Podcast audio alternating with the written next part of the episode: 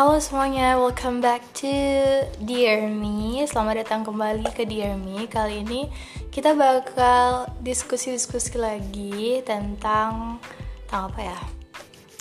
Mungkin ini kayak the most related topic ya bagi uh, orang-orang uh, yang lagi di fase kayak aku di, di mahasiswa tingkat akhir. Yakni berdamai dengan diri sendiri. Kenapa sih kok jadi relate sama mahasiswa tingkat akhir? Karena gini, uh, but disclaimer itu ini based on my own experience. Maybe ini bisa berbeda di kamu atau mungkin bisa sama juga. But uh, I really feel happy to discuss with you guys. If you have something to tell about with me, I really happy with that. So back then to berdamai dengan diri sendiri uh, dari katanya aja kayak kita tuh harus damai sama diri sendiri. Emang kenapa sih harus damai sama diri sendiri? Emang di diri sendiri tuh ada apa? Ada pertikaian apa gitu kan? Nah itu kan jadi suatu, suatu pertanyaan sendiri ya gitu. Uh, but aku memang bukan aku bukan orang psikologi jadi aku nggak nggak akan jelasin secara ilmiah. Mungkin balik lagi based on my own experience. Jadi berdamai di, dengan diri sendiri itu menurut aku adalah ketika kita uh, bisa nyelesain masalah-masalah batinnya kita uh, tanpa harus apa ya ada kontrol dari orang lain dan tanpa harus membe membebani orang lain. Dan artian gini, bukan berarti kita nggak boleh minta bantuan ya, karena dalam masalah uh, psikologi menurut aku ya, itu kadang kita memang harus minta bantuan kita ketika kita udah ngerasa kayak I cannot control this anymore gitu. But somehow ada beberapa part dalam kesehatan mental kita yang bisa kita atur sendiri misal adalah um, ada nih masalah eksternal seperti mungkin kalau aku ya bisa di reflect ke di ke akunya itu adalah masalah misal ada masalah tentang kuliah di mana uh, deadline-nya harus segini-segini sedangkan aku ada bla bla bla bla bla bla bla bla. Nah itu kan sebuah masalah eksternal yang kiranya bisa dilakukan um, dengan sendiri. Tapi jika memang ada beberapa orang yang merasa kalau aku nggak bisa nih kalau masalah gitu. Susah kan? Aku bisa minta bantuan orang lain ya. It's okay. It, itu bebas banget karena balik lagi uh, kita tuh berbeda caranya mentreatment diri, kita sendiri uh, baik itu aku ataupun kamu pasti beda. Jadi misalnya kalau misalnya ada kondisi kayak gitu semua jawa telah bentrok terus pasti kan bakal kayak burn out gitu kan. Mainan skripsian proposalan atau mungkin ya tugas-tugas kuliah belum selesai di semester ini terus komunitas dan bla bla bla and how I can control that one. Jadi ketika ada situasi kayak gitu itu biasanya aku tarik diri dulu. Aku tarik diri dulu. Kalau misalnya aku aku visualisasikan gini ya. Misal aku tuh adalah hmm, pemeran dalam dramanya kehidupannya aku. Terus aku bakal tarik diri keluar da keluar dari pemeran itu ya kan? Keluar dari namanya seorang pemain drama yang bernama Dina Zafira keluar dan aku ngambil posisi jadi orang ketiga. Orang yang ngelihat um, apa sih yang terjadi sebenarnya di sekitar si Dina Zafira ini gitu. Aku bakal posisi aku kayak, di kayak gitu dulu at first. Uh, jadi dengan aku bisa memposisikan diri aku ke orang ketiga dari kehidupan aku aku bakal bisa lihat oh ternyata Dina tuh punya situasi yang kayak gini. Dan ya sayang banget sih Din. Kamu harus ngalamin ini bla bla bla. Tapi kamu udah dapat benefit lain loh Din. Benefit lainnya adalah kamu bisa gini gini gini gini. Oke okay, maybe kamu tuh jadi nggak punya waktu istirahat atau bla bla bla. But wait kamu masih punya punya kamu masih punya waktu istirahat loh Din buktinya. Kamu bisa nonton ini misalnya. Kamu bisa buat podcast ini misalnya. Dan lain-lain. You have you has you still has much time Dina. Aku bakal ngomong gitu ke diri aku jadi lebih ke self talk ya tapi kayak ngobrol ke diri kita tentang masalah yang kita hadapi terus solusi apa sih yang bisa kita lakuin gitu. Dan biasanya ketika aku ngerasa oke okay, aku nggak bisa ngehandle di ini situasi aku harus minta bantuan I let aku bakal minta bantuan. Dan aku bakal cerita kalau misalnya aku butuh cerita karena aku percaya kadang bukan kadang sih aku percaya semua manusia itu pasti punya sampah kehidupan yang harus dibuang istilah kasarnya gitu. Jadi ada ada bagian dari manusia yang memang dia harus ungkapin ke orang lain. Yang mana ketika dia ungkapin itu dia bakal bakal bisa lega bakal bisa santai bakal bisa lebih fresh ngadapin masalah apa pun yang ada di depannya. So that's why I think uh, kita disebut makhluk sosial ya karena kita memang harus bersosial gak ada orang yang introvert introvert banget sampai dia nggak bisa ke mana ya nggak nggak nggak punya tempat cerita satupun. Uh, dibilang gak ada ya mungkin ada lah tapi tapi cuma aku nggak tahu kali. Tapi I think everyone have harus punya tempat cerita. Walaupun mungkin itu bukan manusia at least buku atau mungkin blog ataupun karyanya dia yang jadi yang ia jadiin jadi tempat cerita. Kita kan nggak tahu kan ya. Kayak aku nih aku jadiin podcast supaya jadi tempat ceritanya aku.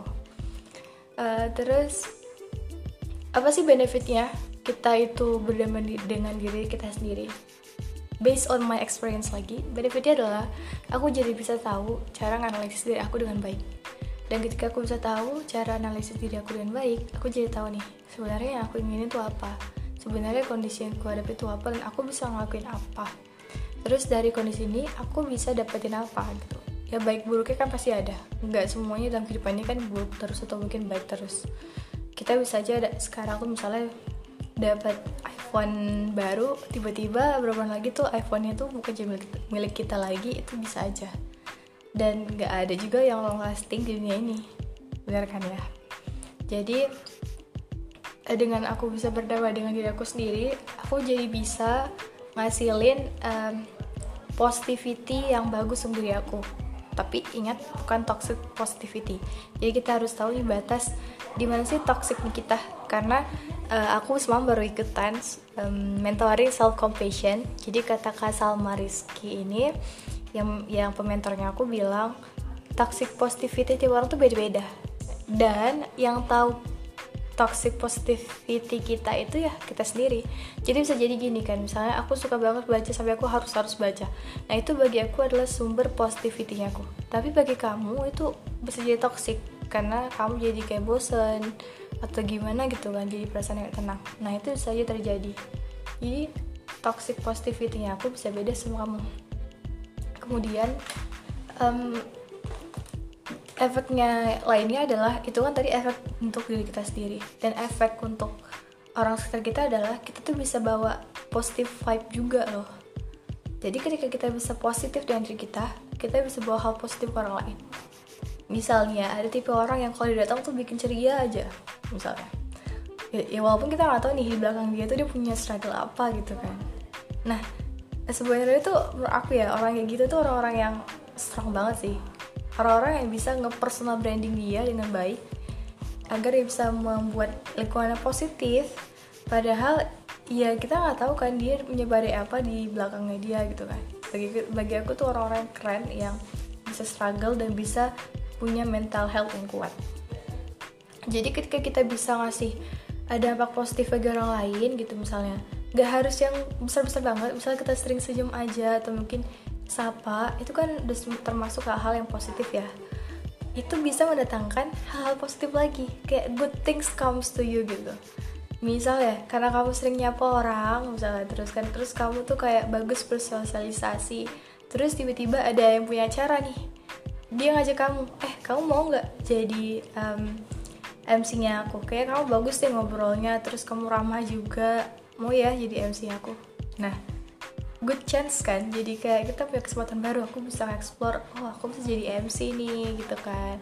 Terus misal juga ketika kamu bisa um, bring the positivity to your life ya kan apalagi to others juga kamu tuh bisa dapat rezeki yang gak terduga juga selain dari pekerjaan tadi kan. Kamu bisa bertemu dengan hal-hal yang positif yang kamu tuh nggak nggak duga. Jadi hal-hal positif itu bukan hanya tentang pekerjaan atau uang ya tapi juga tentang hubungan dengan teman kamu dapat teman yang bagus banget yang inspirasi kamu. Atau mungkin kamu punya hubungan yang bagus dengan orang tua apalagi itu juga suatu hal yang apa ya harus dibilang kayak ridho orang tua kan ridho Allah. Jadi kalau misalnya kita udah punya hubungan baik dengan orang tua mudah-mudahan good things comes to you itu bakal lebih bermanfaat lagi karena mendatangkan berkah so I think ada banyak dampak sih yang bisa didapat dari berdamai dengan diri sendiri.